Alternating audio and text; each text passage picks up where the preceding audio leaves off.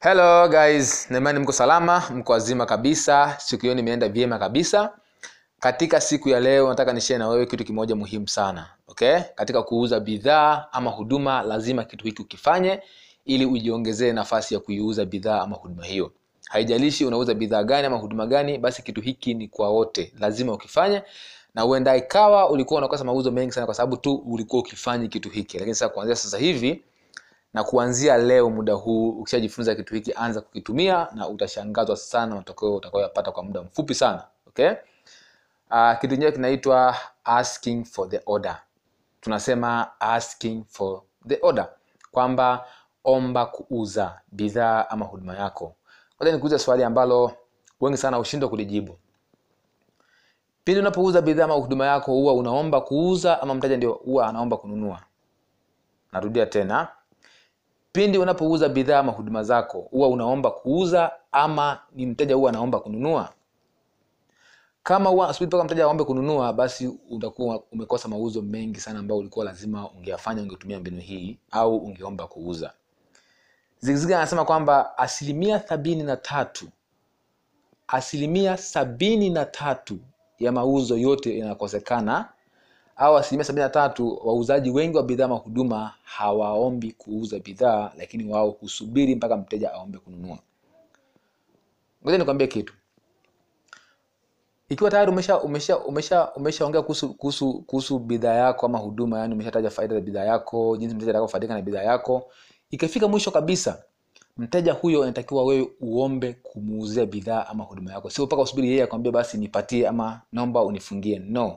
Omba kuuza mauzo mengi sana huwa yanakosekana mteja mteja ana, una, yani anaishia njiani hummalizii system yako ya kuuza au humalizii mfumo mzima wa kuuza. Mfumo mzima wa kuuza huwa mpaka pale utakapoomba kuuza tunasema ask for the order.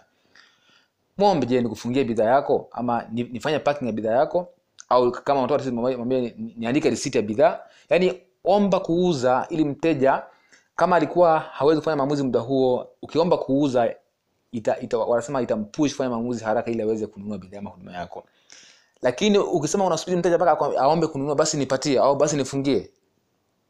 Katika asilimia mia basi ni asilimia thelathini tu ambao wanaomba kununua. Lakini mauzo mengi yanakosekana pale tu unaposhindwa kuomba kuuza. Ask for the order.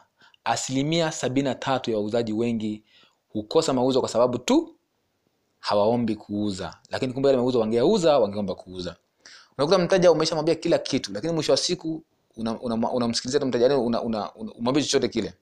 Unasubiri mpaka yeye aseme kwamba naomba unifungie au naomba basi unipe bidhaa. No you don't have to wait. Omba kuuza bidhaa ama huduma yako. Tatizo hili huwa linatokea kwa sababu kwa sababu kwa sababu watu wanaomba wana, wanaogopa kwa sababu kwa sababu ya vipingamizi. Labda anasema akiomba kuuza mtu anasema labda ngoja nifikirie kwanza au ngoja niongee na mke wangu au mbona bidhaa kubwa sana. No, no, no, no. Usi, usiogope hizo vipingamizi vipingamizi vipo tu.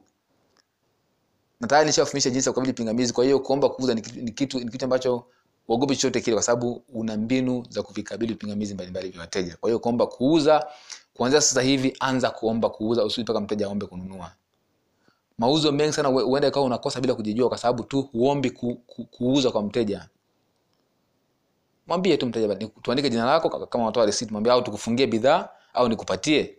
You see unashangaa tu kuna baadhi ya wateja wateja wanasubiria tu wanasubiria neno hilo lakini lakini ukisipolisema anaondoka. Anasema ah basi poa anaondoka you see kwa sababu hujaomba kuuza. Which means kama anaona labda wewe huna shida na una shida na pesa yake. Au hutaki kuuza bidhaa yako. You see kuna wateja wengine huwa mpaka wasubiri kuombwa kununua. Sio mpaka wao waombe kununua.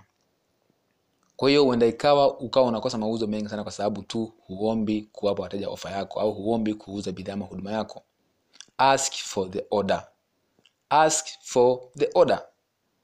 Ni kitu cha msingi sana watu wengi sana kinawakosesha mauzo kwa sababu tu wanasubiri mpaka wateja waombe kununua badala ya wao kuomba kuuza bidhaa ama huduma zao. Omba kuuza kuanzia sasa hivi. Utauza vitu vingi sana ambavyo hata kutegemea kwa sababu tu wateja wengi wanasubiri mpaka kuombwa kwanza kununua. Sio wewe wao ndio waombe kununua.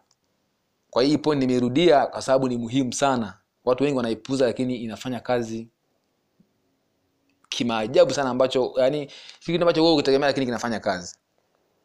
Kwa hiyo jitahidi jitahidi kuanza kuomba kuuza badala ya kusubiri mteja aombe kununua. Utauza zaidi alivyokuwa unauza mwanzoni. Anza kutumia sasa hivi. Kama unauza bidhaa huduma yako kuanzia leo au kesho anza kutumia sasa hivi utaona matokeo makubwa sana. Anza kuomba kuuza. Sio usubiri mpaka mteja aombe kununua. Kwa sababu wanaomba kununua katika asilimia mia asilimia thelathini tu au wote wanasubiri mpaka waalikwe au waombwe kununua. Sasa watu wengi wanakosa mauzo kwa sababu tu hawajaomba kununua au hawajaomba wateja kununua bidhaa ama huduma zao. Kwa hiyo kuanzia sasa hivi anza kuomba kuuza bidhaa ama huduma yako. Kama kuna swali basi mtauliza. Asanteni sana